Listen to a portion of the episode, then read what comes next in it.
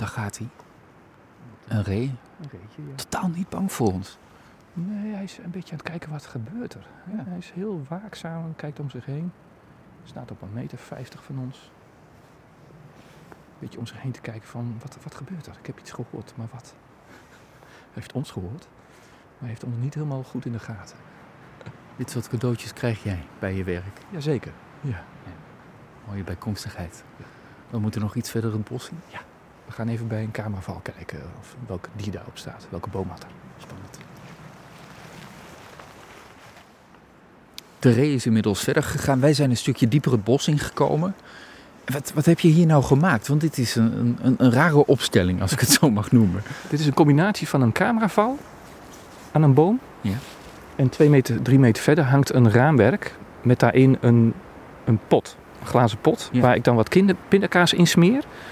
En dat vinden boomatters en heel veel andere zoogdieren heerlijk. En Dat past helemaal bij, bij het moment. Hè, kwart over negen. Mooi moment om eh, te ontbijten. De boomatters doen dat meer s'nachts. uh, maar ook komen ze wel eens overdag, vooral in de zomer komen ze nog eens overdag.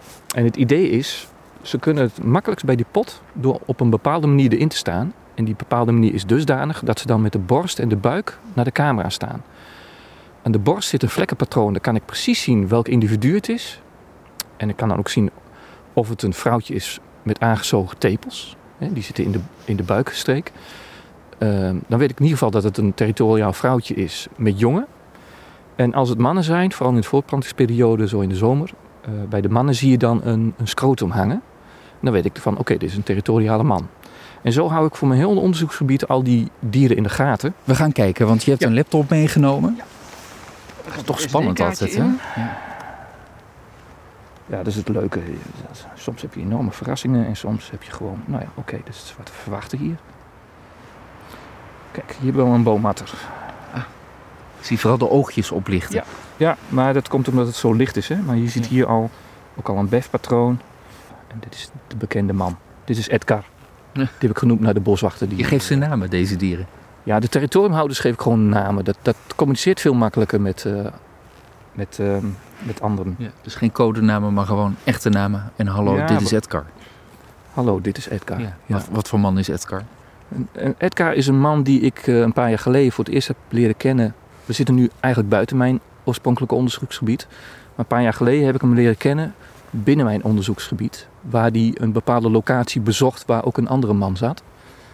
Eh, Dus eh, ja, kwam hij even wat pindakaas af en toe snoepen. En dan ging hij weer terug. En, en blijkbaar huist hij dus hier. Ja.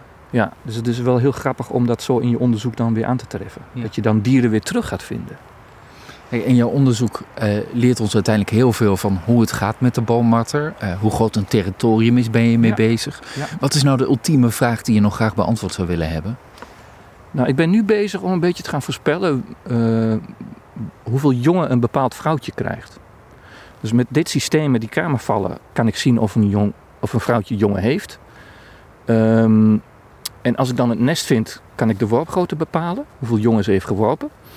Maar ik kijk ook naar de hoeveelheid voedsel. En ik ben nu zover met het onderzoek dat ik eh, bezig ben met het maken van een model. Waarbij ik dus eh, kan voorspellen hoeveel jongen een bepaald vrouwtje gaat krijgen aankomend jaar.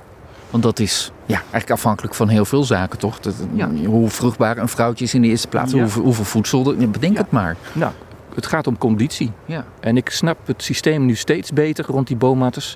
Je hebt de zaden van de beuk die bepalen hoeveel muizen er zijn. Het aantal muizen bepaalt hoe de conditie is van die vrouwelijke boommatters. En, en dat bepaalt dus ook weer hoeveel jongen er worden geboren. En er zitten wat kinkjes in de kabel soms.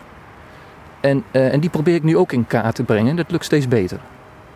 Dus eh, ik hoop eh, mijn onderzoek af te kunnen sluiten waarbij ik gewoon een model heb van nou oké, er zijn afgelopen twee jaar waren er zoveel muizen en afgelopen twee jaar waren, hadden de, de vrouwtjes zoveel jongen. En ehm, dat betekent dat aankomend jaar dit vrouwtje zoveel jongen gaat krijgen. En, dat ze En wat, wat rond hebben we datum- uiteindelijk aan? Als we, Nou, als we dat weten. Kijk, deels is het gewoon wetenschappelijke nieuwsgierigheid. Ja. Maar hoe beter je een bepaald systeem eh, weet hoe het in elkaar zit, hoe beter je ook bepaalde verklaringen kunt eh, vinden als er zaken mis gaan lopen. Want nu gaat het goed hè, met de boommatters, maar dat, dat kan best zijn dat dat op een gegeven moment anders wordt. En eh, hoe beter je een systeem leert kennen, hoe beter je ook kunt verklaren als het niet goed gaat. Op de radio zit de tijd erop. Dus ik wil je danken voor een mooie ochtend. En dan kijken we zelf nog even rustig Ja. verder naar de foto's. Ja, graag gedaan.